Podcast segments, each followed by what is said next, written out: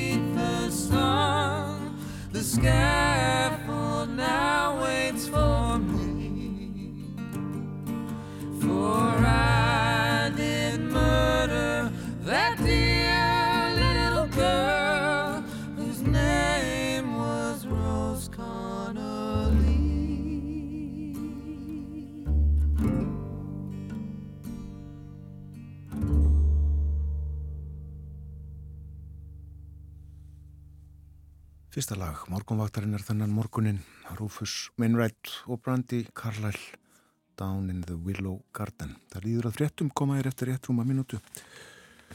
Við förum við dagskrá morgunvaktarinnar í dag að fréttum loknum og lítum í blöðin, innlend og erlend, gömul og ný leikum tónlist allt með tiltölu að hefðbundum hætti á morgunvaktinni og rásættinan fastutagsmorgun.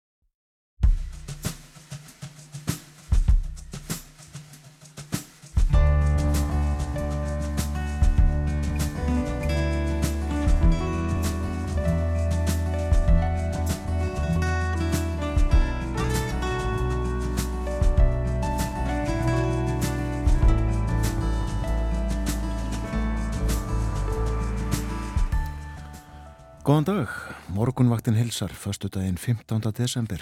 Umsjónuminn þáttarins eru Björn Þó Sigbjörnsson og Þórun Elisabeth Bóadóttir. Stjórnmál fá drjúan sess í þættinum í dag. Jólaleifi Þingmanna átti að hefjast í dag en það verður varla. en eru ímismál óafgrett og þar á meðal fjárlög næsta árs. Hér hjá okkur verða tveir alþingismenn, Halla Signi Kristjánsdóttir og Andres Ingi Jónsson. Við ræðum um ríkisfjármálinn og fleira einlend en einnig um loftslagsmál og stríð.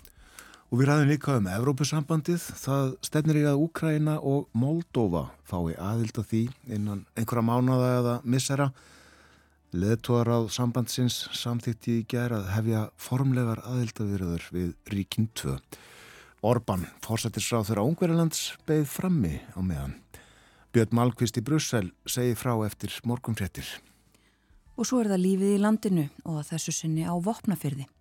Þar búa 660 manns og þar er allt til alls, segir Sara Elisabeth Svansdóttir sveitarstjóri, sem flutti til vopnafjörðar frá Reykjavík fyrir nokkrum árum og vill hverki annar staðar vera.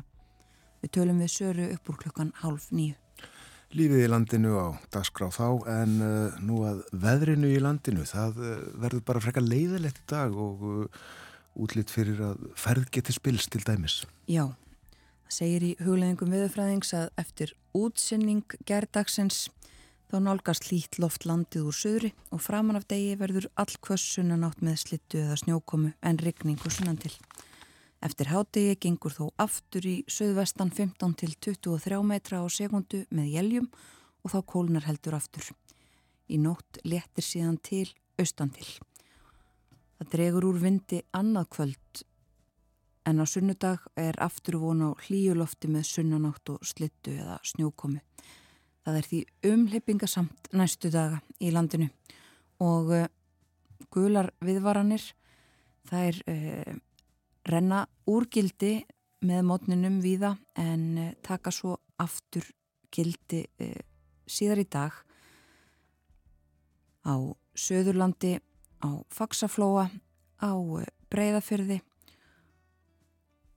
og á Ströndum og Norðurlandi vestra sömulegðis á miðhálendinu þá verða gular viðvaranir í gildi síðar í dag vegna þessa söðvestan átt með dimmum jæljum og það verða erfið akstur skilirði.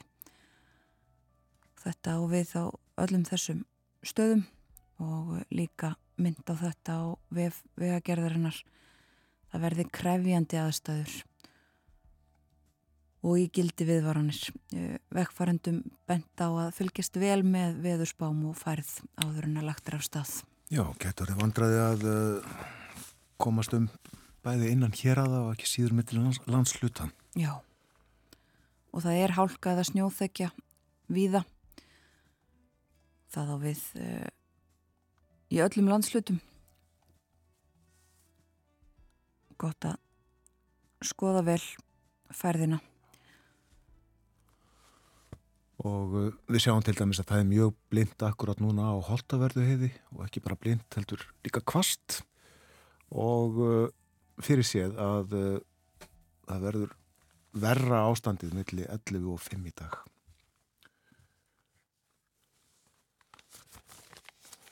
Við fylgjum spettu með þessu og segjum frá en tökum fram blöðin, byrjum á morgunblæðinu íslenska og fórsýðu myndin tekin og þakki nýbyggingar landsbítalans við Ringbrödd og segir hér eins og Hamraborg sem knæfir yfir þingkoltin. En uh, blaðamenn fengu fyllt frá starfsmönnum nýja landsbítalans um uh, byggingasvæðið og fengu að skoða skoða þetta, þessa Hamraborg, uh, þetta steinvirki, steinsteipuvirki sem er komið þarna upp. Reysastort hús. Og það þokast upp og uh, áfram. En uppsteipu á meðfærakjartanum er að ljúka. Og það er byrjað að klæða fyrsta hluta húsins, segir hér. Og uh, sérstaklega fjallarum rauvar sem að eru á milli veggja 16 til 17 cm breyðar og uh, hvers vegna? Jú, það er gert ráð fyrir að byggingarnar geti reyfst til í stórum jarðskjálta og því hafa færustu verknæðingar verið fengnir til þess að útfæra þarna einhverja leiðir til þess að uh, húsið þóli í erskjálta. Það er óeiningum orgu í samfélkingu, segir hér í fyrirsögn. En eh, eins og við munum þá var á forsýðu morgunblæðsins í gær rætt við Jóhann Páli Jóhansson, þingmann samfélkingarinnar. Og uh, í dag er rætt við Þórunni Sveinbjörnadóttur, flokksistur Jóhanns Páls. Og uh, hún segir að uh, það sem að Jóhann Pál saði um orkumálin við morgunblæði í gær sé frjálsleg tólkun á stefnu samfélkingarinnar. Og áfram segið Þorun, hann fer fram og lýsir sínum skoðunum, ég byggi mína afstöðu á stefnu samfélkingarinnar. Mitt haldreipi er stefna samfélkingarinnar og ég tala fyrir henni hvort sem er innan þingflokksins eða utan, en hún segir samtali að einhugur ríki í þingflokknum um stefnuna og uh, segir hér áfram í ramma áallun séu settar leikreglurnar sem gildi í málaflokknum. Orkumál, mikið til umfjöldunar uh, þessa dagana.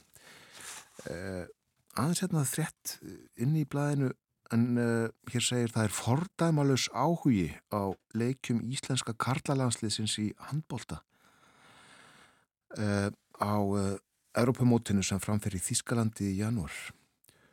Og búist við um fjögur þúsund Íslandingum til þess að stiðja liðið. Og Ísland hefur keppni 12. janúar og í riðli með Íslandi eru Ungverjaland, Serbíja og Svartfjallaland það er aldrei stuðningur sem að stefnir í að liðið fá í þessari keppni og fyrst við höfum byrjuð að tala um handbólta að uh, þá er rétt að segja frá því að undan úslita leikirnir á hinsmestramóti Kvenna fara fram í dag, Svíþjóð og Frakland eigast við annars vegar og hins vegar Danmörk og Nóriður. Leikirnir síndir á rúf, sjónvarpinu. Lítum þá í Erlend blöð, byrjum í Danmörku. Þar er fjallaðum handugur sem að gerðar voru, framkvæmdar voru í gær og sagt hefur verið frá í frettum vegna eh, grunnsum skipulagningu hriðiverka og það er sagt frá því í dönskum fjölmjölum í dag að það séu sex grunuðum þáttöku í skipulagningu hriðiverka þar í landi. Þrýr voru handteknir í gær, einum þeirra svo sleft en uh, tvent, uh, Karl á 60-saldri og ung kona eru í haldi. Því til viðbútar eru fjórir grunaðir en uh, ekki komnir í varðhald lögruglu að minnst okkarstu ekki í Danmörku. Og það verður ekki verið greint frá því hvort að einhverjir hérna grunuðu séu í haldi annar staðar en það var sagt frá því gær að einhverjir væru erlendis sem grunaðir eru í þessu máli. Það verður ekki heldur verið sagt frá því uh, hvar eða hvenar uh, þetta fólk skipulaði eða hugðist uh, fremja hriðiverk en fjallaðum þessi máli í flestum dönskum fjölmjölum á forsýðunni á um, politíken er rætt við sérsfrænga og og uh, innanríkisráþara sem að uh, tjá sig um þetta og á forsýðunni á informasjón er rætt við hriðjuverka sérfræðinga sem að segja að stríðið á gasa það myndi frjóan jarðveg fyrir hriðjuverka starfsemi ímiskunar það séu sannanir eða ímislegt sem að bendi til þess að, að þau sem hafa verið handekinn í þessu danska hreðjuverkamáli e, gætu hafa haft e, gýðinga skotmörk í huga um, og þessi sérfræðingar sem rættir við, eitt þeirra segir þeimun verri hlutir sem að eiga sér stað á gasa, þeimun meiri spenna verður hér líka. Og uh, það var sérstaklega talað í gærum vernd gýðingasamfélagsins í Danmörku og uh, það átti að halda uh, aðtöfn á ráðústorkinu í Kaupmannahöfn. Gýðingar halda jú nú upp á Hanuka sem er ljósaháttíð það átti að vera viðburður sem sagt á ráðústorkinu en honum hefur verið aflýst. Og uh, Aðeins árum við förum frá Danmörku þá er líka fjallað um það í Jyllandsposten að eh, danska ríkistjórnin hefur setið við völd í eitt ár í dag. Og vísaði í nýja rannsókn um, um og könnun á viðþorfum til ríkistjórnarinnar og til stjórnmóla. Þessi breyða stjórn þryggja flokka ætlaði sér að ebla tröst og tryggja stöðuleika og öryggi en það segir í frettinni að uh, þessi nýja rannsókn eða tölur síni að tröst á stjórnmálamönnum hafi hrunið og kjósendur flýi þessa þrjá flokka og uh, líka tekið fram að afnám stóra bænadags sem frídags hafi haft töluverð áhrif á vinsaldir ríkistjórnarinnar. Svo ákverðun drefur dilka á eftir sér. Stundur mun eftir því við rættum þetta svo litið við Borgþór Artgrímsson. Það var afnuminn þessi dagur sem er í mæ. Það er ekki frídagur hér á landi lengur og hefur ekki verið um langt skeið en hefur haldið sér í Damurku þanga til nú og það voru miklar deilur um uh, þetta. Í Damörku og sem fyrir segir þá greinilega draga þær dilka á eftir sér. En uh, í sænskum fjölmjölum er fjallaðum ímislegt á forsýðu svenska dagblæði þetta er fjallaðum jólinn og uh, svipaðar frettir og við heyrum reglulega hérðan frá Íslandi. Það eru langar byðraður eftir hjálp aðstóð uh, til þess að geta haldið jól. Uh, fjallaðum þau mál og talað við meðal annars uh, fólk hjá hjálpræðishernum að það eru langar raðir aldrei fleiri óskað eftir aðstóð á fórsíðun á dagins nýhet er aftur á móti talað um stýrivexti og sagt að það sé um, svona alheims eða eh, stór já ekki stríð í auðvitað einlegum skilningi en svona baráta um uh, stýrivextina framöndan. Það sé mikil þrýstingur á það uh, frá fjárföstum ekki síst að uh, lækka stýrivextina skart. Það komið sérsagt tölur frá Svíþjóði gær um að verðbólkan hún hefur hjaðnað meira heldur en búist hafi verið við, hún gerði það í, nóvamber og uh, svo fjallaðum þessa stærstu útflutningsmarkaði Svíja uh, eh, Evrusvæðið, Bandaríkin Breitland og Noreg og uh, stýrivextina í þessum ríkjum. Það sé sem fyrir segir, það sé bara átt að framöndan og Svo er það auðvitað Evrópumálin við uh, munum ræða þau hér á eftir við Björn Malmqvist leðtóafundurinn í Brussel sem að uh, mikið er fjallaðum í erlendum fjölmjölum bæði það sem við heyrðum í frettunum áðanum að það að ungverjar hafa uh, komið í vekk fyrir það að Evrópusambandið samþykki stóran aðstóðar pakka við Ungrænu en líka það að búið er að samþykja aðildar viðræður bæði Úkrænu og líka Moldófu. Við förum nánar í þau mál uh, hér á eftir. Komum aftur heim, uh, lítum í sögubækutan við sjáum að í dag eru 70 ár síðan fjórðungssjúkrásið á Akurir var tekið í nótkunn. Og frá því var sagt í blöðunum, sagt frá því sem að uh, sagt hefur verið óvenjulegir flutningar, næstum 50 sjúklingar Flestir eða allir umfastir fluttust úr gamla sjúkrahúsinu þar í hið nýja, í hið nýja og veglega sjúkrahús sem nú er risið og er fullbúið og mun taka til starfa sem fjórðungssjúkrahús Norðurlandsum áramótis. Gamla sjúkrahúsið Akureyri sem er rörlegt timburhús gegnir nú ekki lengur því veglega hlutverki sem það hefur gengt um áratvíi að vera skjól og hæli þeirra sem leita sér lækninga í sjúkdómum og uh, það var rætt við uh, yfirlæknin Guðmund Karl Pétursson sem að uh, sagði að uh, þetta væri fullkomið sjúkrahús. Það veri mjög fullkomið og uh, munað ímsu leiti taka fram flestum þeim sjúkrahúsum sem nú eru til í landinu. Sjúkrastofurnar eru að vísu líkar og í öðrum sjúkrahúsum en meira rúm og hagkvamara að mörguleiti er ætlað til rannsókna og annara starfsemi sem þar þarf að fara fram.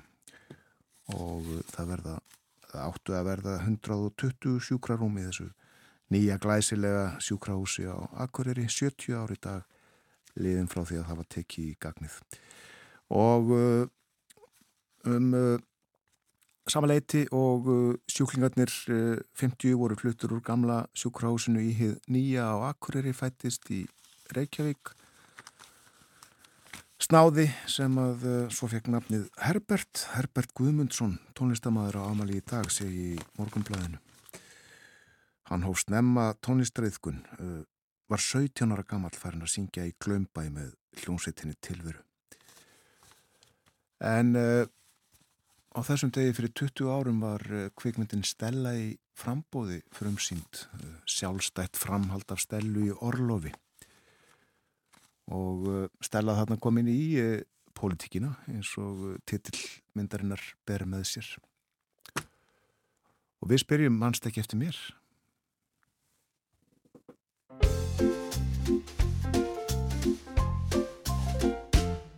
Ég er á vestur leiðinni á háheiðinni. Á hundrað og tíu ég má ekki verða of sein Ó, ó, það verður fagnaður mikill vegna opnunar Flugrill sjoppunar Svo ég fó og pantaði borð fyrir einn. Ég hef frestað því stöðugt að fá mér starf Síðan síldinn hvar Svo lítið latur að vísu en hefða samt gott.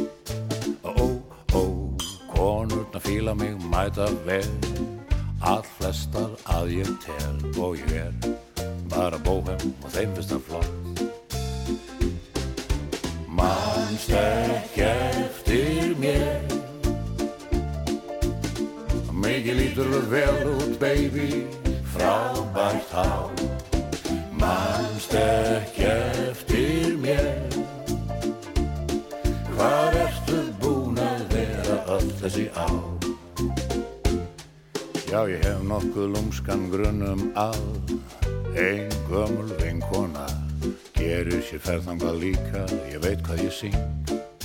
Ó, ó, hún er svo til á sama aldr og ég, all skoti huguleg, svo er hún að hraðri leiðin á þing. Manst ekki eftir mér, mikið lítur vel út baby, frábært há. Manst ekki eftir mér Hvað ertu búin að vera öll þessi ár?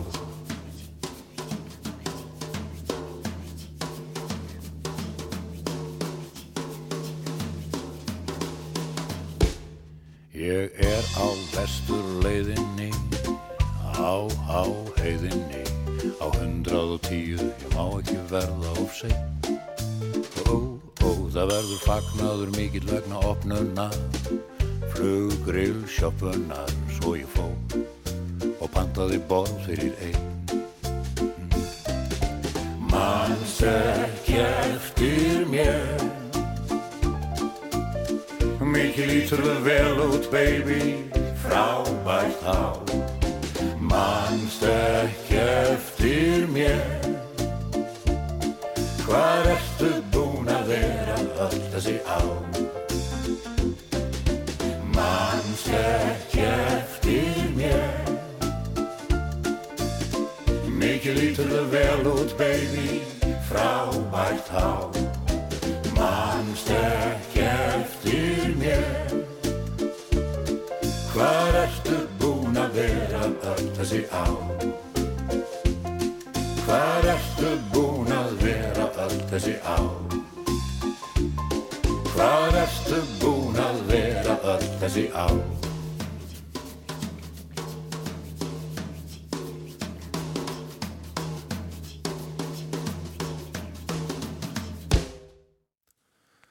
Manst ekki eftir mér, söng Egil Ólafsson og Ragnhildur Gísladóttir með honum í viðlæðinu Hún samdi lægið og félagið er ár stuðmönnum Þórður Árnason gerði textan. Úr stelu í frambóði 20 ár síðan og hún var frumsýnd. Það stýttist í fréttaðefilitið, kemur eftir rúmar 5 minútur. Eftir það ætlum við að tala um stjórnmál, íslensk stjórnmál fyrst og fremst. Það er von á tveimur alþingismönnum til okkar. Þeim höllu Signíu Kristjánsdóttur framsóknarflokki og Andresi Inga Jónssoni Pírutum. Við ætlum að fara aðeins yfir stuðuna í þinginu. Stóð til að þingi færi í jólaleifi í dag en uh, litlar líkur á að það farið þannig en mörg mál og afgriðt uh, já við þurfum líka að tala um alþjóðamálin um uh, auðvitað nýjastana lofslagsráðstöfnu saminuð þjóðan og ófriðin Európa-sambandsmál vera til um fjöllunar eftir morgun fretnar klukkan 8 björn. Málmqvist verði með okkur frá Brussel þar sem að gerð var tímamóta samþýtt í gær í leðtóðaráði Európusambandsins þegar uh, tveimiríkjum, Úkrænu og Moldófu var bóðið formulega til aðilda viðræna við ræðum þau mál. Og uh, svo verður hér upp úr hálf nýju á símalíninni Sara Elisabeth Svansdóttir, hún er sveitastjóri Vopnafjörðarreps. Við viljum að tala um uh, lífið og tilveruna.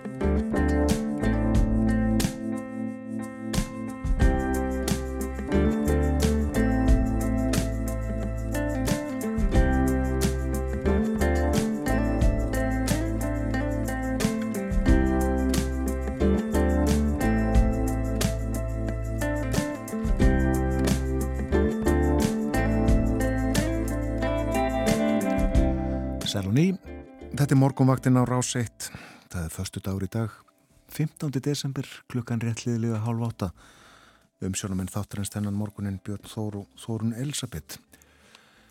Já, uh, það er útlitt fyrir frekar leðilegt veður, verður kvast og úrkoma, jæljagangur, búast við uh, snjókomu eða slittu, betra að búa sér vel, fara í uh, goðaskó og þykka yfir höfn og mun eftir húinni og uh, aðstæður í landinu gætu orðið nokkuð erfiðar að þar að segja að uh, færð getur spilst.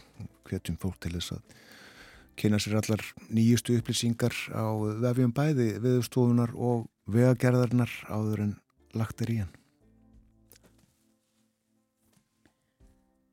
Eins og við myndumst á fyrir morgun þá uh, eiga þingmenn eða áttu að komast í jólaleifi í dag.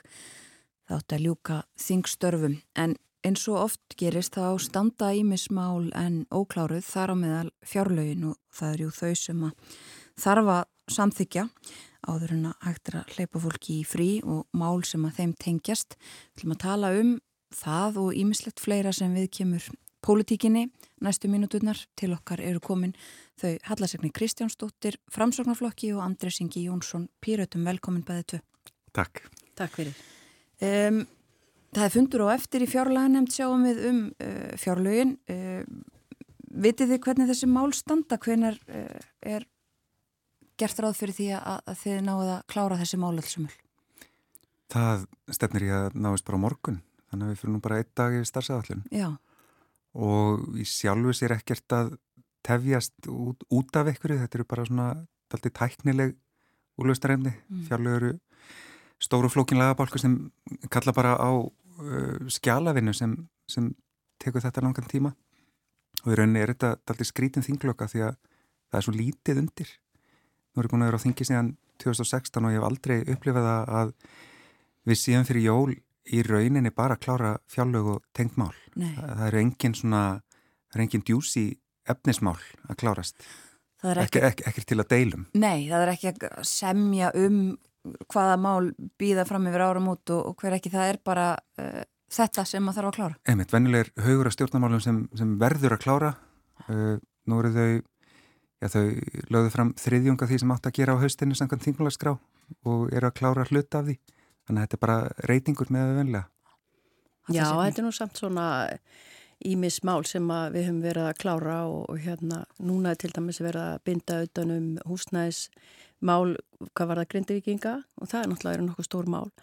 Og þessi dagar fyrir þing, eh, lok, fyrir jól eru svona, ég er búin að vera á þingi síðan 2017 og þetta er svona svipa á stóra heimili, þetta er svona hlaup og, og það þarf að klára þetta og, og hérna, þetta enkenni svolítið af því og, og síðan eru fjárlögin sem að bindir, bindur sem sagt, eh, nýtur endan hlutin á þetta og, og þetta verður alltaf að hanga saman sko. En það er náttúrulega auðvitað, er, ég veit að það er ekki mjög stór mál sem, að, sem betur fyrir eru í ykkurum uh, ágrinningi en, en við þurfum samt að klára mörg mál og það hefur verið dagsendingamál líka sko. En, hérna, en oft hefur verið meira undir og við höfum farið setna heim. Mm. Það er rétt. En einmitt eins og Andris segir það sé bara þriðjungur málana sem að uh, ríkistjórnin flokkarnir ætluðu að leggja fram á, á uh, haustþinginu komin fram. Uh, er ykkur að skýringar á þessu? Uh, nei, ég hef nú svo sem ekki neina skýringar af því en ég tek alveg undir það að það hefði mátt vera að komi fleiri mál til vinslu núna í haust. Mm. en uh, allavegna í þeirri nefnd sem við sitjum saman í umhverjum samgöngunemnd hefur nú alveg verið nóg að gera. Og okkur hefur tekist að klára alveg heilmörg mál núna fyrir jólin. Eftir stendur þar að hún situr inn í samgöngu áallun og, og, og hérna um jöfnunarsjóð, þetta eru stór mál sem að býða bara úrvinnslu eftir jólin og hérna ég held að við séum ekkert að flýta okkur í þeim efnum þó að, að það sé mjög mikilvægt en hérna mm, við þurfum að, að því við þurfum að taka inn mikið gestum og, og fjalla vel um þetta þá ákveðum við að klára sumdagsningamál og, og önnum mjög mikilvæg og, og hérna þannig að það er verið nú að gera þar allavega hjá okkur Mm. En einmitt í okkar nefnd, það er kannski gott dæmi akkurat við erum að klára nokkuð mál en þetta eru flest einmitt brín dagsendingamál eins og að náttúrfræðistofnum verði ekki fórstjóralausa því að það vant að laga heimil til að framlengja við hann eða einhverjar innleggingar á Európaregluverki. Þannig að málinn sem sína svona pólitíst erendi ríkistjórnarinnar þau eru, þau eru ekkert eh, mikið á dagskraf þessa dagana. Mm. Útskýrið hans fyrir okkur og hlustundum dagsetningamál. Þú, þú nefndir svo sem þetta að það þarf að ákveða fyrir einhverja dagsetningu að framlengja ráðningu hjá náttúrufræðistofnun en hva, um hvað snúast þessi mál svona heilt á litið? Dagsetningamál. Þau snúast yfirleitt um eitthvað svoleiðis. Veist, eitthvað sem að klárast um áramótin nema við grípum inni. Mm -hmm. Eða eitthvað sem þarf að setja stað um áramót. Já, bara fjárlögin er bara gott dæmi um dagsningamál Já. sem verður að klára. Þannig að það er eitthvað sem að teku gildi fyrsta og, og það er til dæmis eins og mál sem við vorum að klára varðandi losunaheimildinar e, og, og hérna, það getur verið ímsar ástæður þar á baki sko en, en hérna, þetta eru svona mál sem að stundu fá við stuttan tíma og það er mjög vond, alveg svo með hérna losunaheimildirna voru svona skýringar á því, mjög vond að fá svona sendin það sem við þurfum að, virkilega stort mál en, en við þurfum að klára svona á hlaupum en, en hérna, en það er svona merki um, fjárlögin er svona skýrmerki um hérna dagsendingamál. En losuna heimilda dæmið kannski svona þægilega afmarkað líka til að útskýra þetta því að Já. Þar erum við að tala um ETS-kerfi, viðskiptakerfi ESB með losuna heimildi gróðusalóftöfunda og ef að við klárum ekki þetta frumvarp fyrir áramót þá myndast gap í regluverkinu þannig að íslensk flugfélug detta út úr því og þurfa þá bara að fara að, að greiða fullu verði fyrir sína losun. Uh, það verður bara bölu á vesen fyrir allan flugina á Íslandi. Þannig að ef þetta klárast ekki fyrir áramót þá, þá, já, þá fáum við skom í hattin sko. Já. Mm Förum aðeins í uh, fjárlaga frumvarpið og, og fjárrauka laga frumvarpið, þessi tengdu mál, uh, svona stóru breytingarnar sem hafa orðið og stóru málin í þessu. Uh, það eru auðvitað miklar breytingar margt sem þurft að bregðast við varandi Grindavík. Mm. Já og það þannig að bregðast við mjög mörgu í samfélaginu þegar verðbólgan er á þeim stað sem hún hefur verið síðustu mánuði og, og uh, þúsundi fjölskyldna horfa fram á það að, að allt í hennu fari uh, greiðslibyrði húsnæðislána tvöfaldast þegar vexti losna. Þá er bara ástand í samfélaginu sem fjárlegu verða að taka á. Mm. og það er bröðist í hluta þessu í, í fjárlögunum og, og breyndekatilögun sem voru samþýttar núna við aðra umræðu. Til dæmis er settur einn sérstaklega stuðningur til bænda sem hafa uh, fengi að kenna á vakstastíðinu meira en, en margir hópar. En hvað með alla hýna? Það, það er bara, það, við, við erum að tala um þúsundu fjölskyldna sem þyrtu aukin húsnæðistöðning á næsta ári, sem þyrtu herri vakstabætur og batnabætur og þyrtu sterkara stöðningsnett til þess að vera bara með trygga afkomi á næsta ári og þar er e, eh, meirhildin ekki að hlaupun tilbaka eins og hægt veri. Hvað segir þú um það? E, sko, ég er nú mjög sátt við þessi fjárlöks eins og þau koma fram núna í þeim aðstæðan sem eru uppi núna. Það er endar mikil óvisa sem ríkir bæði í heimsmálunum og, og hérna utanakomandi ástæður og, og Grindavík eða, eða réttar að sagt Reykján í skæin allur, hvað er að gerast þar og, og við getum verið að horfa fram á einhverja tíu ára eða ekki hundra eins og vísendamenn segja. Þannig að það er svolítið óvisa uppi hvað var þar þau mál og hérna og þegar heilt samfélag þarf að flýja heimili sitt og er ekki enþá snúin heim að þá vitum við ekki nákvæmlega hvar endapunkturinn verður og við höfum verið að bregðast við því og það er rétt og Andris nefnir hérna bændur sem var bröðust við það í fjárökunum upp á 2,1 miljard. Mm. E, þetta er náttúrulega mál sem að snýrað okkur öllum neytundum, matvælaveriki og bændum líka og, hérna, og mér finnst þetta að vera mjög mikilvægt fyrir okkur öll og það er bara verið að eh, hérna, grýpa inn í mikinn vanda sem kemur uppið það vegna þess að það hefur náttúrulega verið utanakomandi vandi eins og til dæmis mikið hækkun á öllum uh, afurðum, uh, að, aðfluttum hérna, vörum og, og það er, sko, bændur hafa verið að fjárfesta mikið, mm. bæði vegna breytna regluna sem að við höfum verið að setja og eins bara til þess að hægraða og annað sem við höfum verið að þrýsta á og, og þá kemur þessi vand upp og ég held að við getum öll verið þakklátt fyrir það að þessum að það sé verið að bregast við því. Svo er náttúrulega með húsnæði, það er verið að bæta hérna inn í fjárlegunum eru 4,9 miljardar í, í hérna stefnu, húsnæðistefnuna sem er mjög mikilvægt og ég held að sé alltaf og það er alveg, hefur verið mikið ákall eftir eh, bara fjölgun íbúa á markaði og hérna og það er ekkert verið að draga úr vaksta eh, hérna e, vaksta bótum eða barnabótum en, en, en það kannski þörfin er mikil og ég get alveg tekið undir með andri sig að, að það eru all heimili fann að finna fyrir þessi matarinköpum og, og vaksta byrði af lánum og, mm -hmm. sem hefur verið að fjárfesta en það hefur verið að bregðast við eins og hægt er og ég er svona Mér finnst þessi lög ekki vera heldur þannig að þau séu þenslu kveitjandi, það er mjög mikilvægt og við erum að fara hérna inn í kjærasamningsvetur og uh, það er verið að hérna koma á móts við sveitafjölu, hvað var það málinni fallara, það eru 5 miljardar á þessu ára og 6 á næsta, eða aukt, já, 6 á þessu og, og 5 á næsta.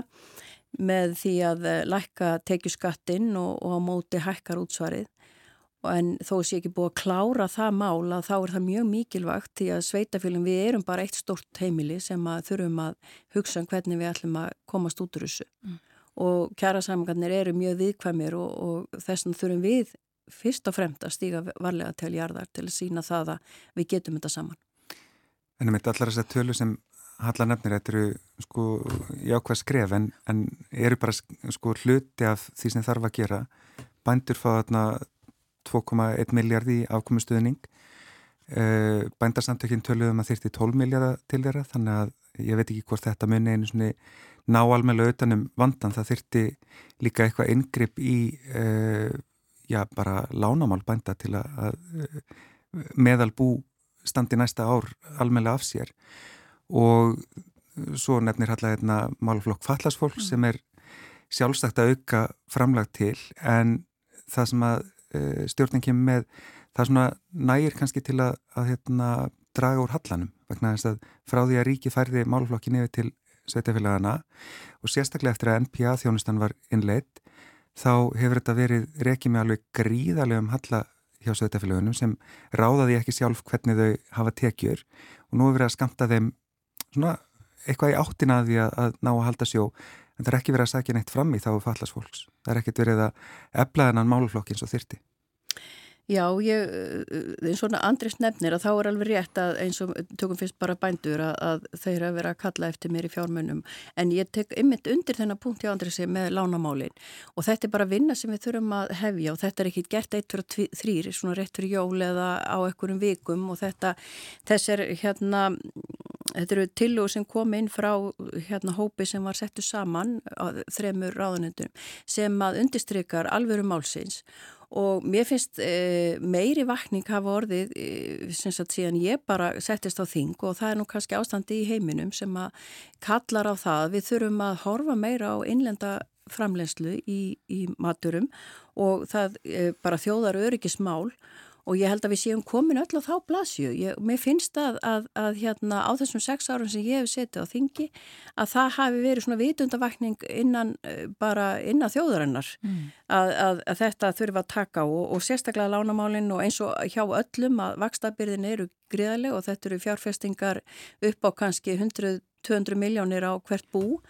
Og síðan er það náttúrulega eins og talar um málefni fallara sem er alveg rétt sem að fóri yfir árið 2011 til sveitafélagana. Þau eru að gera eins og þau geta. Og viða um landa er bara verið að vinna, bara kraftaverka vinnu hvað var þetta málefni.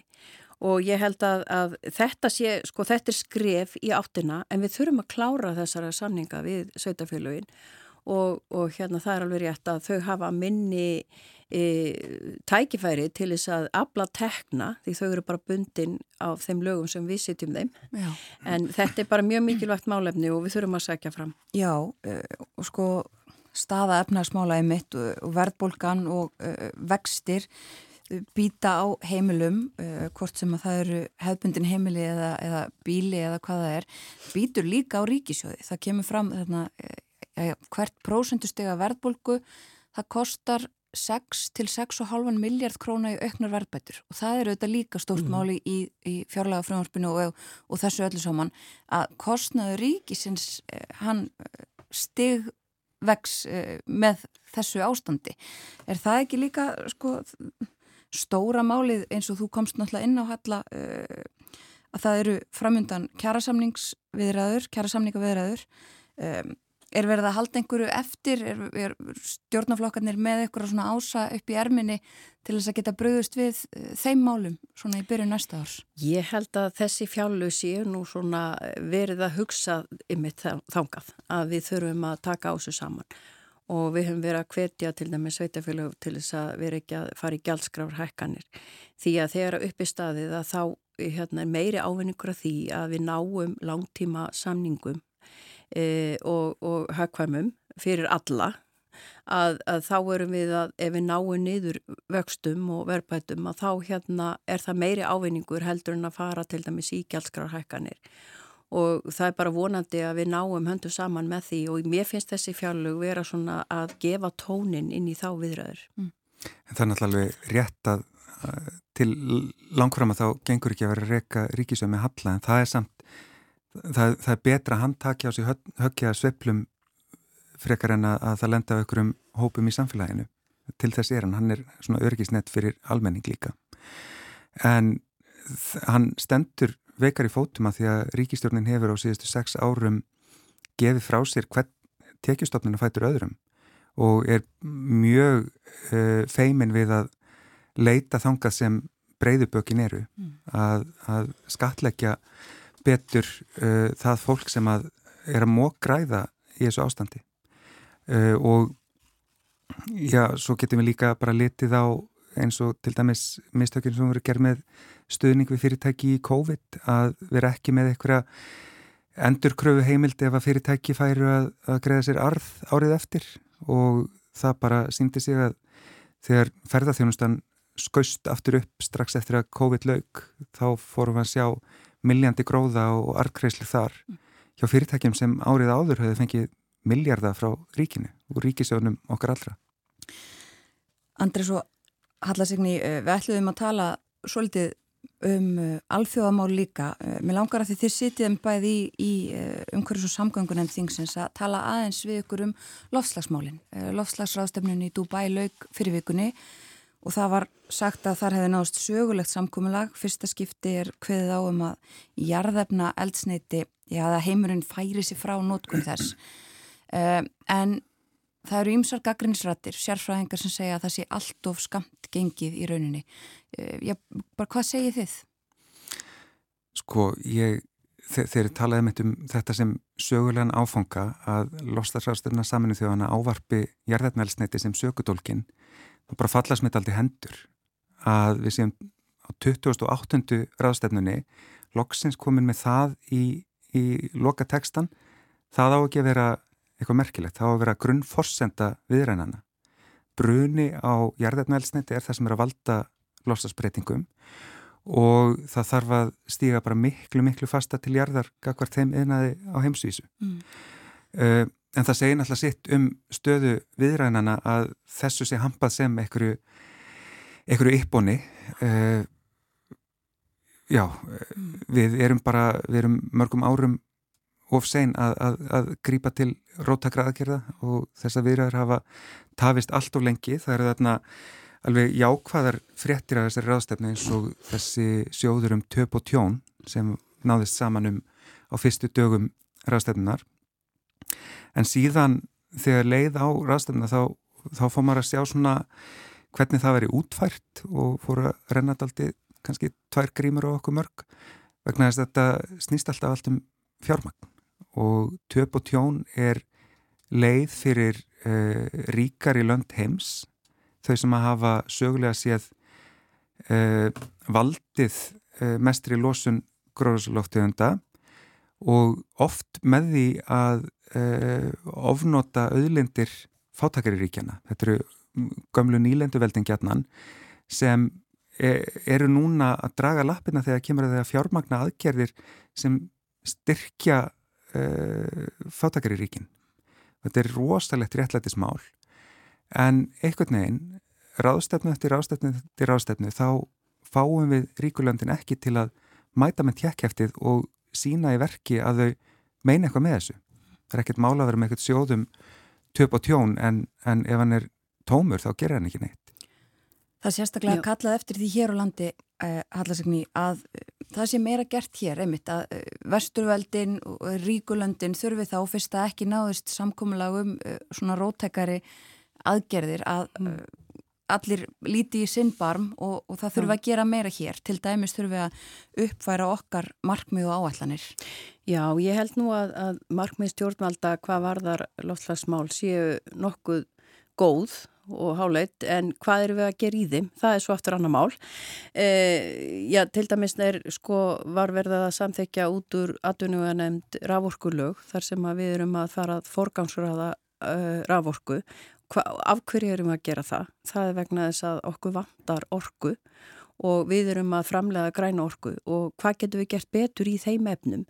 Um, það er náttúrulega, sko, það er ekki að benda kannski á eitt atriði eða tvö, heldur erum við svona, kannski bæði það við þurfum að uh, bæta flutnísleiðir.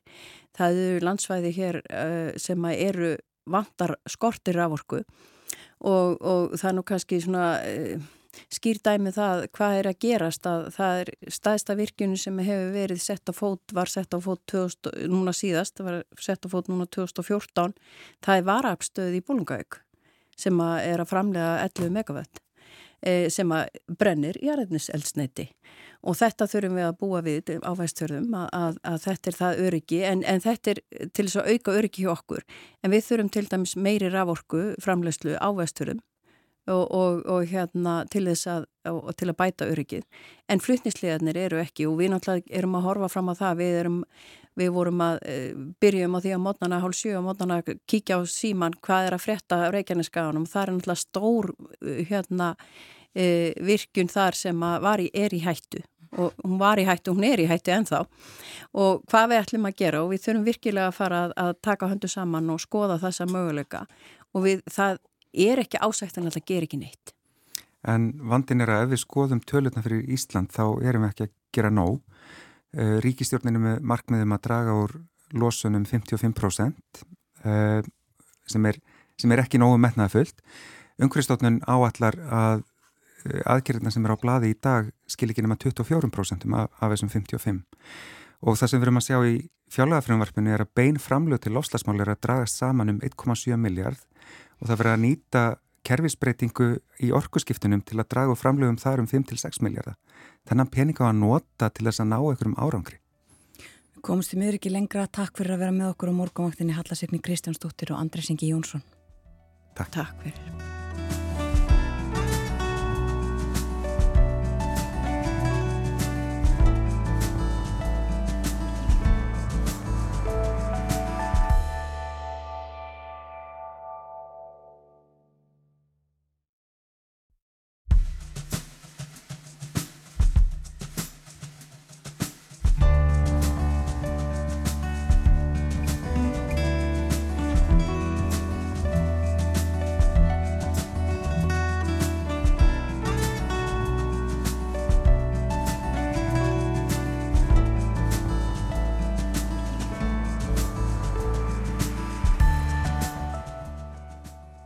Sæl og ný, þetta er morgunvaktin á rás 1.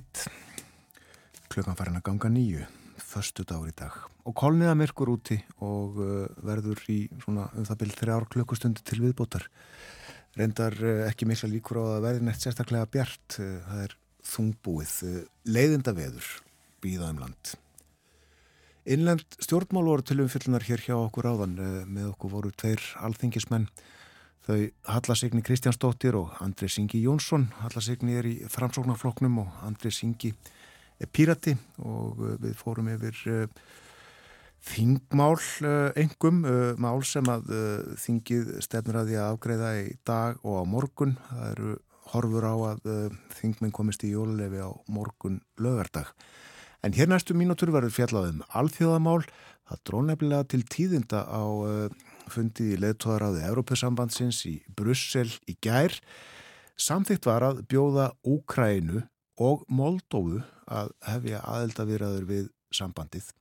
En það tókst ekki að afgreða risastóran pakka, svona fjárhagsstuðning til Úkrænu uh, fyrir næstu fjögur ár. Við erum komin í samband við Björn Malmqvist fréttamann í Brussel. Hitt og sæl, góðan dag. Góðan daginn. Nefnum fyrst þessar aðelda viðræður, uh, það má segja er það ekki að loft hafi verið læfi blandið í gerð? Jú, það má alveg segja það með réttu. Það var, var, var talsveitspenna sem, sem að ríkti hér svona í, að, já, bæði í aðdraðanda leðtóafundarins og, og svona eftir að hann byrjaði og svona, svona aðal ástafan fyrir því var þessi tillaga um að bjóða Úkrænu, þetta er svona snýst aðlum Úkrænu, uh, þessi tillaga um að bjóða semst, Úkrænu í að, að hefja aðalda við ESB. Uh, þetta var semst, tillaga sem var lögð fram frá framkvæmtastjórn Európa-sambandsins í, í november í skýslu sem að, sem að, sem að stjórnin gaf út. Það var, það var semst, eindrið lagt til að að, hérna, að taka þetta skref Úkræna væri tilbúin, hefði uppfyllt meiri hlutan af þeim skilirðum sem að, að frangvátastjórnin hefur, hefur sett stjórnvöldum í Kíöf sem að hafa unnið af kappi við það. Um, en andstaða ungverja var nokkuð ljós á undanförnum vikum. Þetta byrjaði með því að, að, Viktor Orbán fórsetisráð þegar Ungverjalands sendi, sendi bref uh, til, til fórsetaleituðaráðsins fyrir nokkrum vikum síðan þar sem hann svona drói Eva Gagsemi þess að, að taka þetta skref, hann vildi stóra og strategíska umræðu um stefnu Európa-Samansins gagvart Ukrænu og hann svona færði svo í aukan eftir því sem, að, sem hann er dróð fundinum og, og mætti hingað, sagði hreinlega í, í gæri morgun þegar hann kom að, að, að þetta veri afar slæm hugmynd, Ukræna var ekki tilbúin í viðræður Hann sagði í síðustu viku að Úkræna veri eitt af spiltustu löndum í, í heimi sem að reyndar svona er nú svolítið eins og að kasta steinum og glirhúsi þegar ungverðarland er annars vegar. Það hefur verið gaggrind víða fyrir einmitt, já, ákveðna, svona, ákveðna tegundarspillingu en um, síðan hóstfundurinn og það var svo, hann var búin að standa í átta klukkustundir uh, sagt, þegar að sjálfsmið sjálf kom allt í hennu út uh, hérna um hvað rétt fyrir sex að íslenskum tíma í gær og, og tilkynnti það að það hefði náðst samkómulag um, uh, um að, um að, hérna, um að uh, taka þetta skref, bjóða Úkrænu í aðaldaverðar og Moldófu líka. Við skulum heyra aðeins það sem að sjálfspeciál sagði við, við þetta tækifæri bara hann kom hérna út í stóra salin þar sem allir bladamenninni sitja og það var uppi fótur og fitt og, og, og hann kom bara út og tilkynnti þetta. Good, good evening everyone. This is a historic moment and it shows the, the credibility of the European Union, the strength of the European Union. The decision is made. Uh, we open negotiations with uh, Ukraine and with Moldova. Uh, we granted status to uh, Georgia uh, and uh, with Bosnia-Herzegovina. Já, hann, sagt, já, hann lappaði hérna fram, þetta er mjög óvinnilegt sko, þetta er nú þannig að, að sko, fara að halda svona formulegi blagamannafundir.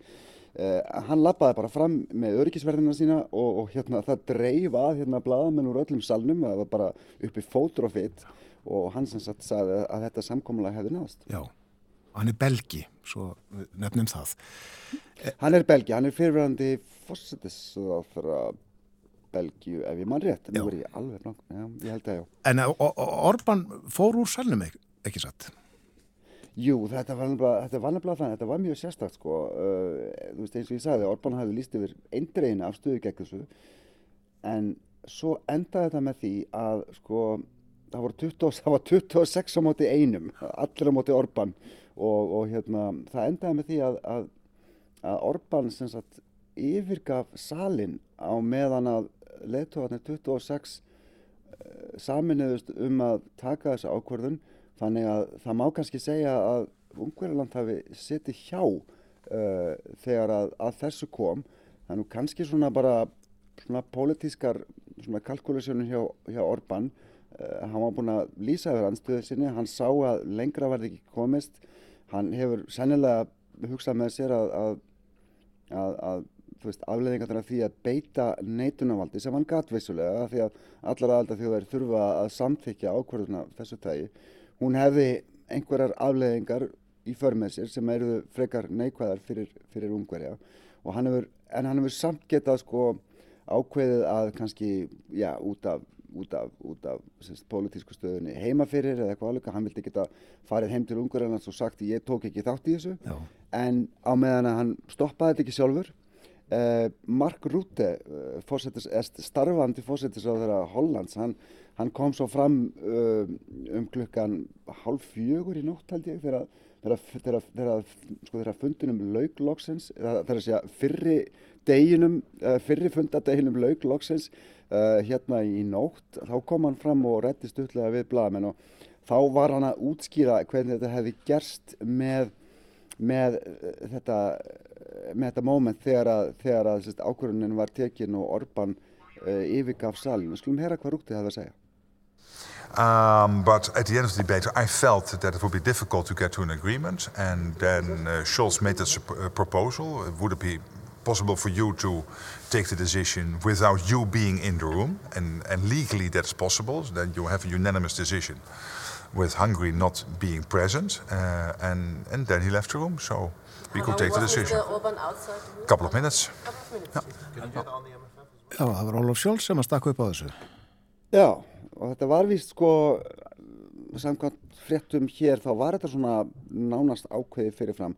Þá voru þau búin að setla þetta mál Sjóls og Orban og, og Orban var búin að sættast á það að þvist, yfirgefa salin á meðan að, að, að þessi ákvörðin var tekin og þannig að þetta var, þetta var svolítið sérstakt og, og veist, það er í sko sjálfusur ekkert svona pláss í formlegum reglum leðtóðaráðsins fyrir svona fyrirkomlag en sko þú veist ef að einn sittur hjá ef að svo má segja þá er litið á þetta sem samhljóða ákvörðun þótt að þetta sé í rauninni ekki samhljóða ákvörðun. En, en það breyti því ekki að hún var tekinn þetta er gríðarlega stórt skref fyrir hérna fyrir uh, sko Evrópusambandi sjálft og náttúrulega gríðarlega sterk skilabóð til, til Úkrænu Uh, þetta voru einmitt skilabóðin sem að Sjálfs Michel uh, leiðtói uh, fósetti sko, leiðtóðara ítrekkaði þegar hann kom fram í, í nótt aftur inn í Bladamannaherbyggið þá voru nú öllu færri Bladamenn statið þar en hann kom og svona einmitt ítrekkaði þessi skilaboð uh, um, þú veist, þú veist, hvað þetta segði fyrir bæði Úkrænu og, og fyrir. Uh, and today and tonight, I, I, I think uh, to the people of um, Ukraine, we are on their side, and this uh, decision made by the uh, member states uh, is extremely important for the credibility of the European Union. Já, þetta skiptir máli fyrir trúveruleika Evrópusambandsins uh, ekki síður en mikilvægt fyrir Úkrænu. Jú, sko, það, það er nefnilega sko, stóra málið í þessu fyrir Evrópusambandið sko, er að geta tekið ákvarðanir af þessu tægi og sínt samstöðu um þær. Af því að sko, framkvæmtastjórnin og veist, stóru ríkin innan ESB, þau, þau vilja gerðnan að Evrópusambandið sé sagt, svona þungaviktar leikari og svo má segja á, á svona sviði heims, heims stjórnmálana ég menna, þú veist, það er alltaf veist, vakað fyrir þeim að að, að, að þú veist, Evrópussambandi sé svona, hafi vikt í stóra samminginu gagvart Bandaríkjunum, gagvart Kína auðvitað gagvart Rúslandi eh, og, og, og hérna til þess að geta tekið svona ákvarðinir af einhverjum trúveruleika sérstaklega hvað var það sko svona utaríkismál ef og svo má segja Evrópusambandsins samskipti þeirra við önnu ríki og náttúrulega ákvarðanir um að taka uh, og bjóða nýjum ríkjum inn í, inn í klúpin, ég meina glemum því ekki að það eru tíu ár síðan að, að, að nýjasta ríki, Kroatia, hérna var tekið inn. Þá, síðan þá hefur ekkert gerst í stakkulumálum síðan er það náttúrulega með sko innrás rúsa fullum tunga inn í, í Ukrænu í fyrra þar sem að það sem að svona nöðsinn þess að, að auka vikt Evrópusambandsins í svona, hvað við segja, geopolitíkinni eh, og að stakka Evrópusambandið til, þú veist, austurs og söðurs eins og við erum að sjá núna með Úkrænu, Moldófu, uh, það er verið að tala um sko ríkinsaks á, á vesturhjóta Balkanskans, það er verið að tala um Georgíu, uh, veist, þetta, þessi ákvörðunni gær, hún, svona, hún markar kannski upphafið að nýjum stekkunarfasa Evrópusamhansins mm. sem að, þú veist, að, þú veist tekur auðvitað 10-15 ár kannski en, en, en, en geti endað einhvern tíman á næsta áratug með því að, með því að Evrópusamband er orðið að sko, 35-36 ríkjum sem að, sem að breytir náttúrulega stöðunni anstalsvert mikið og þýðir líka reyndar að, að það er það þarf að breyta sko eins og við höfum reynd að tala um aður sko morgunvartinni það þarf að breyta veist vinnureglum innan Európa-samhaldsins draga úr uh, fjölda þeirra uh, svona málaflokka þar sem að þarf fullkomna samstöðu um það þarf að breyta Európa-þinginu, það þarf að breyta fyrirkomuleginu á flankvandastjórnini og þessi umræða er bara nú þegar hafinn eins og við höfum kannski talað um aður. Mm. Orban svona gaf sig án þess að gefa sig varðandi aðeldarviðræðunar en uh, svo er það fjárhagstuðningurinn, þessi 50 miljardar efra uh, pakki sem átti að ágreða fyrir Úkrænu. Já, það var hinn stóri pakkin, uh, hvað var það Úkrænu sem átti að taka fyrir á þessum fundi. Þar hins vegar beitti Orban neitunumvaldi og stóði í vegi fyrir því að, að það er tekinn þessi ákvörðun. Þetta, þetta snýstum 50 miljardar efra pakka yfir næstu fjögur árin til að veita svona einhvern, einhvern stöðuleika í stuðningi við Úkrænu. Þetta er, þetta er, þetta er mestmægnis peningu sem að, e, er ætlaður til þess að fjármagna í rauninni sko, starfsemi hins ofinbera í Úkrænu.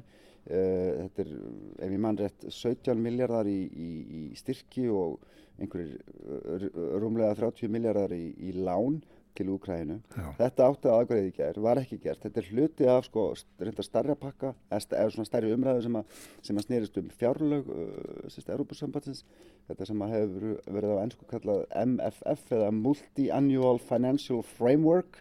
Það er sérst, fjárlögin eru til 7 ára og uh, það þurfti og þarf að, að fylla á þau ef og svo má segja út af alls konar krísum sem að hafa verið á undanförnum árum, veist, COVID, uh, hérna, náttúrulega Úkraina og allt það eh, og þetta var sem sagt Orban stoppaði þennan pakka.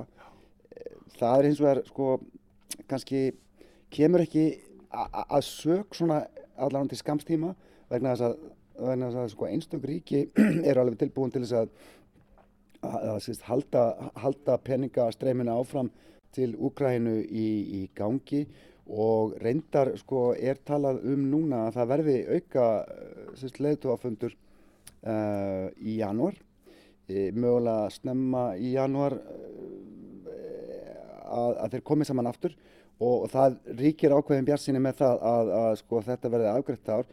Menn voru að tala með því í gæra að, svona, að sko að eitt tap fyrir Orban væri nóg á hverjum fundi. Hann, hann væri kannski tilbúin til þess að, að hérna setla máli þegar, nokkrar vikur eru, eru liðinar frá.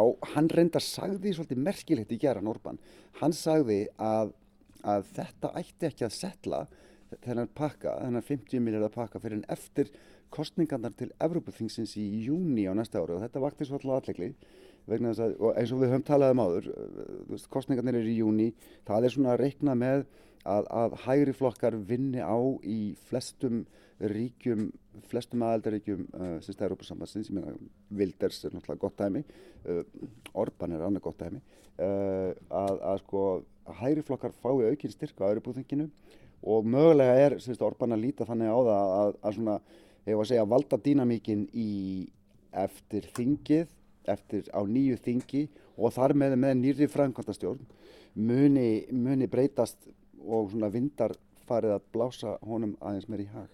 Við sjáum hvernig þetta þróast allt saman en uh, við heyrðum þarna aðan í uh, Mark Rutte sem er eins og þú saði starfandi fósættisráþura Hollands, hann uh, gegnir ennbættinu meðan reyndir að mynda nýja ríkistjórn. Býst hann við að vera þarna áfram lengi á vettvangi? Herðu, hann var spurður aðeins í nótt. Þetta var nú orðið mjög óformlegt þetta samt, fyrir var, þetta var orðið mjög óformlegt þetta samtal sem að rútti átti við. Ég, ég held að þetta hafi verið tveiri eða þrjú blaðamenn sem að stóða hann inn í, inn í salnum þar sem að, að leittóðin lappin inn á fundina sína. Hann var, hann var spurður að þessu hérna hvort hann, að því að hann var að tala um sko hann, hann heldur nú að, að það væri önnur leittóa ráðstefna í januar til þess að setla þessi fjármál og þá var hann einmitt spurðbyttu heldur þú að þú komir hingað í janúar sem fósættisóttar að vikla meira hvað hann að segja Já. I, I, I, yeah, there's a Dutch journalist. Uh, what do you think? Yes, I, think that, that's, that's highly likely. Yeah. Okay, bye bye. Já, yfirgnefandi líkur á því. En uh, þeir uh, mæta líklega íllasopnir leðtóatnir til uh, framhaldsfundarins í dag? Já, þeir eru nú bara að fara að renna í hlað þegar eiga að fara að byrja að koma núna upp úr klukka nýju uh, til í næstu fundarlótu fréttafólk er hérna svona eitt og annað að týna stað. Mér sínist salurum vera svona nokkur neginn farin að fyllast. Það verður talað um uh, það verður áfram talað um fjármál. Það verður talað um uh, ástandið fyrir botni miðjararhafs og það er svona eitt og annað sem að ég veit ekki alveg hvernig svo umræða fer, ég menna hún fór ekkert sérstaklega vel síðast. Það svona síndi það sko síndi sér sko líka á því að þetta var í, hvað var þetta ekki í nógambur uh, óttubur fyrir ekki að, að sko þá var leittóafundur og það sem gegn mjög illa að ná samstöðu um svona sameinlega yfirlýsingu hvað var þar sérst, Gaza og Ísrael og Hamas. Uh, og, og hérna samstæðan var nú ekki meira en svo að, að jú það var náð lendingu með yfirlýsingu en, en aðeldarikinn 27 skiptust svo í þrjá hópa þegar var, þegar, að, sko, var greitt atkvaða um þessa frægu yfirlýsingu á, á allsriðþingi saminuð þjóðana hvað sólarringið er tveimur síðar. Þannig að hérna, það ég býst nú ekki endilega við að, að, sko, að ríkin uh, að það gangi neitt óbúslega vel að, að ná lendingu um þetta endalega eins og við töluðum um áður. Það er svona mjög mísmunandi afstæða innan þessa ríkjahóps hvað var þar sagt, Ísrael, hvað var þar Palestínu, ég menna samúðun er mjög meiri, eigum að segja, á Spáni og Írlandi með Palestínu, mennum heldur en til dæmis eh, Tískalandi eða, eða Slovaki eða Ungarlandi. Þannig að það, það er svolítið erfitt og þetta líka svona, hefur líka leitt í ljós svona, eh, veist, eh, hvaða er stundum erfitt að, að ná sameilir en niðurstöðu en sko atbyrðu kjartagsins síndu líka að það er alltaf pláss til að gera samninga og til að gera málameilanir í Európa-samhættinu og það er náttúrulega það sem að þetta samstarf í rauninni kannski svona í grunninn gengur út á. Það er mitt að uh, þetta er samband sjálfstæðar að þjóða. Takk að þið fyrir í dag Björn Málkvist. Takk fyrir mig. Þetta vorum uh, Európa-málin og uh, það líður á því að, að uh, sko fleiri ríki í Európa-sambandinu hafa gengið í sambandið eftir aldamót heldur en fyrir. Frettæfi litið framöndan kemur eftir eh, rúmar 5 minútur, eh, fyrst auglýsingar. Eftir frettæfi lit þá uh, heyrum við af lífinu og tilvörunni á vopnafyrði.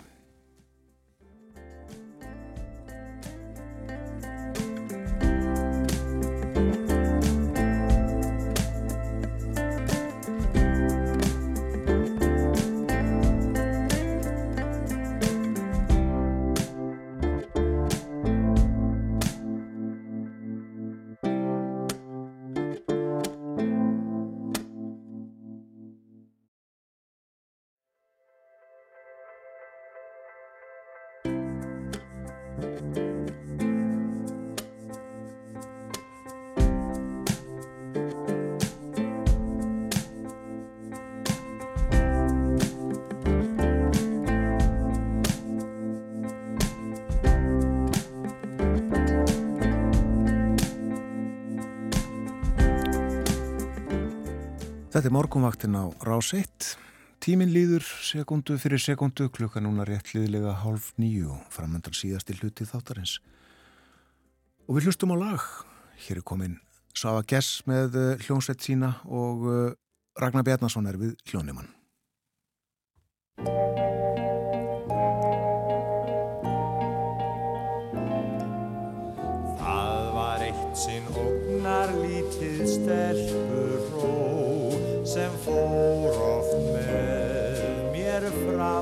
Að sjó. Hún var klætt í öllar beisu von á tær með freknótt nef og flettur tvær. Saman tvö í fjörunni við undum okkur vel meðan kollan var að kafa eftir buðungi og skell og á kvöldin þegar sólinn síinn var sátum við í næði bæði undir stóra steini þar sem hún í leini lagði vanga sinn. Og sköp feiminn upp við vanga minn. Síðan hef ég konur séð í Kæró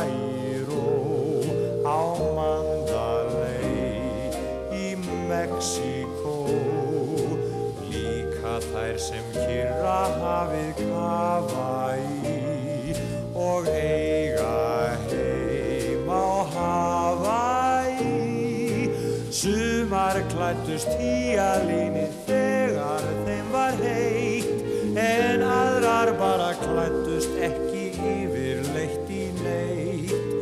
Alltaf samt í huga mér og hjarta sem klætti öllar peysu undir stóra steini forðum tíð í leini lagði vanga sinn ósköp feiminn upp við vanga minn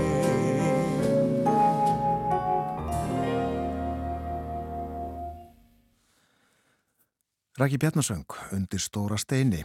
Þeir söndu þetta af oppfiskubræðurnir Jónas og Jón Múli Árnarsinir. Og við erum einmitt komin í samband við Söru Elisabethu Svansdóttur Sveitastjóra Vopnafjörðarreps. Heil og sæl, góðan dag. Góðan daginn. Góðan daginn. Takk fyrir að hafa mig. Hvað segir þau?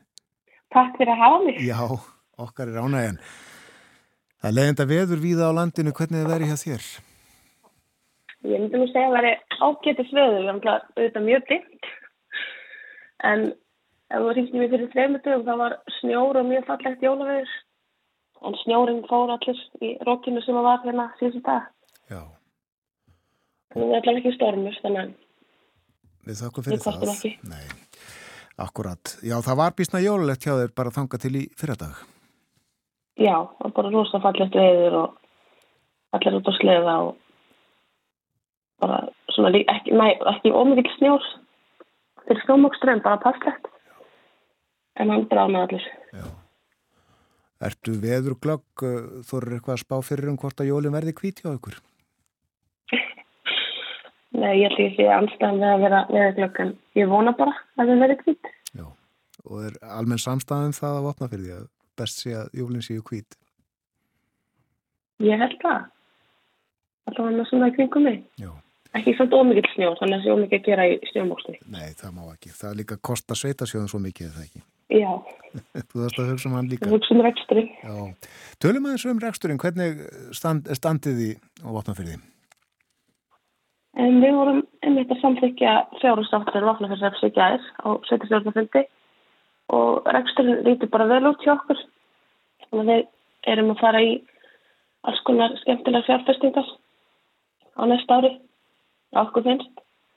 Lóksins getum við malbygga eina götu og og ætlum að gera upp sundlegin okkar sem er í sjálfstall. Þannig að það líti bara vel út hjá okkur. Við erum að skilja ekstra afgangi. Það er mitt það. En hafa síðustu ár verið erfið? Já, árið árið er enda bara mjög fínt, en já, árið árið undan hafa verið, það hefur verið ekstra tap. Og við varum með þetta reyka hjókunaheimili og hefum sagt upp reksturinnum á því núna. Og það er mjög þung, var þungt fyrir okkur. Og eins hefur lónu bestur mikil áhrif á okkur sem var hér árum áður. Já, hjúgrunarheimilið, eh, þið ætli bara að skila því, starfsemið þess rekstrinum á því til ríkisins? Já, það var bara neðist að núna, við náum bara, við sögum eitt rekstrinum og þannig að, já, hjúgrunarheimilið fyrir rekstri vatnarreks næsta sumar, fyrsta júni. Hefur þetta verið þess að dýrara heldur en þið reknuðu með? Ég veit ekki hvernig þetta var þegar það var tekið þessu, þetta var ekki alveg svona dýrt en þetta er bara óhæfsta eining fyrir svona lítið sveitafélag við höfum ekki stjórn á hvað eru margir íbúar og þá er bara greitt, greitt afgjöld með við það. Þannig að okkur er finnst bróðsum gert að þá ekki bara greitt fyrir nákvæmlega hvað þetta kostar. Og það hafa já nokkuð mörg sveitafélag það ekki farið með þessa leiðum á síðustu misserum árum? Jú við erum, við erum stjórsta sveitafélag á Östurlandi sem að skilast en hása verður það komið með öll á Ísturlandi til sín. Jú, þetta er rosalega þungur ekstur fyrir sveitafélag. Þið óttist ekkit að, að þjónustan við íbúna vestni? Nei, ég held ekki. Og við vonum ekki. Hvað búa margir á hjóknarheimilinu? Við erum með pláss fyrir tíu. Það er tíu rými. Já, akkurat. Og vinnum allt fólk aðna? Já, það eru svona 20 starfsmann bara þetta er alltaf inn á vaktum og sem er í lutastarfi. Þú talar um loðnunar líka. Uh, loðnubrestur hefur bara stór áhrif á bæði uh, sveitarsjóðin og uh, samfélagið allt. Já, það hefur bara áhrif á allt saman og bara eitthvað aðrunleysi og allavega eins og þetta hefur verið. Og svo hefur bara breyst uppsamar vinslan hérna bara síðust ár. Það er meira og minna unni all, allan aftur sving. Það er ekkert svo mikið stopp eins og var aftur. Og það er breymir það ekki sem að starra ekkir vinsluna? Jú, breymir er mitt fasti vinnuveitandin. Ég. Og fyrir utan mögulega á opnaferðsrepp, ég veit ekki alveg töluna. Nei. Það voru svo tveir stærstu vinnuveitandin. Og fyrst minnst þér á lónuna, ég sá ekki betur í fréttunum í gærin að uh, lítil sem engin lóna hefði fundist. Nýjustu, nýjustu rannsóknulegangrum. Já. Það verður bara að sjá hvað sittur í þeim annað. Það finnum oft svona að loka sprettinum. Já, akkurat. En það er bara komið ljóst. Það er ekki annað að gera en að vona það besta. Einmitt. Við ætlum að forrætnast aðeins um lífið og tilveruna uh, hjá okkur og við spjöldluðum nú saman í gær og uh, þú dásamaðir vopnafjörð. Já. Og mér fannst aðtiklisvert eitt sem þú sagði við mig, hér er allt til alls. Já, mér finnst það. Við erum með þetta, erum, erum með þetta afskekt. Það eru 130 kilometrar í næsta kjarnar sem er eilstæðir og kannski fyrir viki þá er allt til alls hér. Það er tóstús og banki og efnalög og prjónabúð og rosa fín verslun. Þannig að mann skortir ekki neitt og auðvitað náttúrulega fer maður í borgarfæðis og, og það er þetta panta allt. Þannig að mér finnst einhvern veginn þjónsustíð vera mjög fint hér. Það er leikskóli á skóli, börnin komast inn á leikskóla með 12 mánu aldur. Ég veit að ekki hlutlaust í þessu málum en mér finnst mjög bara gott að vera hér. Já. Og menningarlíf í blóma líka? Já, það er alveg menningarlíf hér. Það er svona einstaklingsframtaki er mjög, mjög fyrst af vatnafæri og til dæmis að fá hérna þessum uppbyggingarsögur Östurlands veitur styrki árkvært til menningar og ferðarverkefna og það til dæmis fór stærsti einstaklingsstyrkurinn til vatnafæra núna sem er bara einstaklingur á vatnafæri sem ætlar að starta kæjaglið þannig að það er svo gaman þegar að fólk finnur bara í sjálf sér að gera þetta. Já, og hver er það sem stendur á þessu? Það heitir Dóróta. Já, já. Þannig að það verður spennand að sjá það og svo voru aðrir, annar hópur sem að setja upp skautasöll í bæni, bara svona tíambindi. Þannig að það er bara mjög mikið dagskrá, sérstaklega fyrir börnin og það er gaman að það er. Fólk gengur bara í máli greinilega. Já. Já. Við þurfum að þess að tala um uh, auðkýfingin Jim Ratcliffe. Er, verður vart mikið við hann og hans starfsemi og umsið þarna? Já, hann er núna, ég verð ekkert mikið vörð við hann, en hann er núna hérna, að byggja veiðhús eða spilk á hans vegu. Þannig að það er mikið auðsig í kringu það. Það er í vesturáttalum. Þannig að hér eru vestakar bara búin að vera í tvei ár örgulega að byggja þetta hús og já, það er svona afleitt, afleitt störf í kringum það í kringum alla hans rannsóknarvinni í kringum lagsin og þannig að það hefur alveg aukist starfstinni hans hér á Voknafjörði Á hann ekki orðið aðra hverja gjörði í sveitafélaginu? Ég er ekki alveg með töluna en jú, hann á alveg alveg frekar mörg bíli hér. Það gerðist Og er almenna ánægja með hann og þessi umsvið, miklu umsvið og áform? Ég veit ekki hvort ég geti talað fyrir hann allra en já, það er alveg hann er alveg að gera glákvita hluti. Fyrir þessi rannsóknarmál og, og ég meina það er alveg alltaf góðmann þegar uppbygging á sér stað, svona lefnum stað. Þetta er maður sem maðurst í mörgu samlega því að, að, að hann kaupi lagsviði ár og vopna fyrir því að þá er hann að kaupa fókbaltalið í Manchesterborg á Englandi. Já. Gott að dreifur sæðis. Já. Kanski fókbaltalið ykkur á vopna fyrir því. Það er nisti, er það ekki? Já. Muni njóta góðs að þessu. Ver, verði þarna einhver, eitthvað samstarf. Já, aldrei að vita. Aldrei að vita. En uh, segð okkur, uh, Sara, hvernig það kom til að, að þú fluttist til Vopnafélag, þú ert jú uh, reykvikingur. Já, ég er bara algjör reykvikingur, það er bara búið það. Þú eru þetta eitt ári skiptunum í Damersku, en ég sem sagt kynntist manninu mínu fyrir 8 árum og hann er vopnafélagur. Og þegar við vorum búin að búa saman í nokkur ári Reykjavík, þá vorum við alltaf að hugsa um að flytti hingað eða koma næs vopnafélag því að hann átti strák sem bjóð hér. Og það var ekkert aðeinslegt að hafa lítið strák hér og svolítið langt á milli þegar hann var að koma til okkar. Og ég sótti um að Húsavík og, og Mývatni og einhver störf og, og svo tala ég alltaf um að mér finnst eina starfi sem ég geti sótt um hér verið sveitastjórn því að það voru ekki mörg kannski sérfræðstarfið búið og var nú bara að segja það í algjörð tjóki en svo losnaði stað sveitastjórn og ég sótti um og fekk ekki þannig að 2018 En svo árið setna var ég ráðan sem skrifstofstjóri og þá fluttu við austur og það er fyrir fjórn mánu síðan í ágúst. Og síðan hætti að sveitastjórin þáðalandi þegar ég hef búin að búa hér sex mánuði og ég tók við starfinn hans. Þannig að hér erum við enn og búin að koma okkur hús og Og ætlið að vera. það var bara vitt, já. Já, já mér langar að vera sveitastjóri saður og svo bara gerðist það. Já, Svona er þetta stundum. En það var semst ástinn sem dróði til vatnafjörðar. já, allveg. Já, akkurat. Já, ímislegt framöndan, sveitasjóður rekin í plús á næsta ári og uh, afgangurinn notaði til framkvæmda þá að laga sundlaugina og Malbygg allavega eina götu. Lítur allt saman vel út, en hver eru þín verkefni í dag? Í dag? Það meina bara í vinnunni? Já. Ég er bara fyrsta verkefni að vera að spella við þig og svo er ég að fara á hundum vindmilugarða og svo bara vilja koma fjara sátlunni út á netið og til kynningar. Já. Já, eru uppi áformum að reysa vindmilugarða hjá okkur? Nei, það er bara svona að vera að kynna fyrir okkur.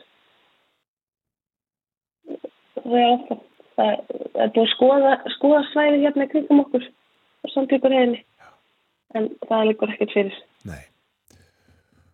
Og ekki teknar ákvarðinu þarum í brá kannski? Hvað segir þau? Það eru ekkert ákveðum það alveg á næstunni? Nei, nei, nei. Það er allt í, núna vilst vera einhverja nýja reglur hjá, hérna, að kynna nýjar útfæslar hjá ríkistöfnunni og maður sér bara hvað gerist. Akkurat. Þakkaði kellaði fyrir spjallið, Sara Elisabeth, njóttu dagsins og gleðileg jól. Já, les, gleðileg jól. Sara Elisabeth Svansdóttir er sveitastjóri í Vapnafjörðarreps og uh, hún sað okkur uh, frá því hvernig það kom til. Svona gerast hlutirnir stundum.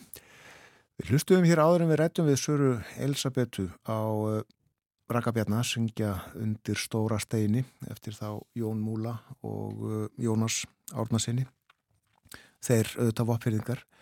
Pálmi Gunnarsson er líka vopfyrðingur og uh, fyrir kannski 20 árum, 25, eitthvað svo leiðis sönganinn á hljómblötu lag eftir fósbróður sinn Magnús Eriksson gleði og þriðarjól og við setjum það nú undir náluna.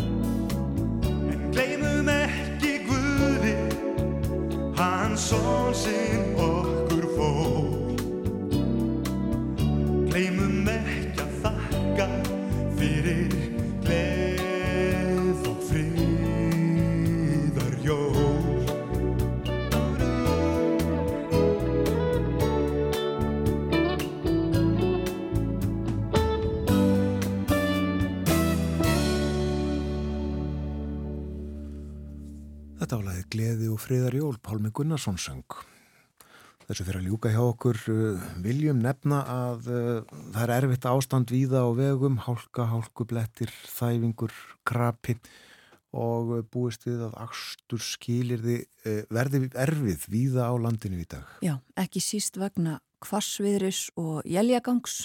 Það verður blindbílur víða og borgar sig að skoða vel veðurspá og uh, færðina á vegum.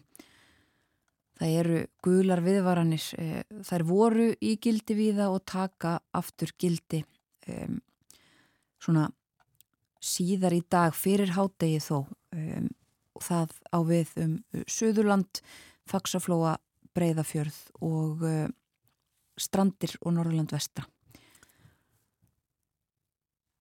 Við ætlum að nefna líka frettir sem að berast frá Breitlandi, uh, hér á morgunvaktinni líkt og við annar staðar hefur verið talað svolítið um uh, písa niðurstöðunar uh, síðustu daga og vikur. Og eitt af því sem að kemur ítrekkað upp í þeim umræðum það er samfélagsmiðlarnótkun og internetnótkun barna. Og nú berast frettir af því frá Breitlandi að stjórn Rishi Sunaks sé að skoða um, skoða það að setja einhvers konar reglur uh, ebla foreldra er sagt í því að uh, ná böndum á samfélagsmiðlanótkun barna sinna og úlinga.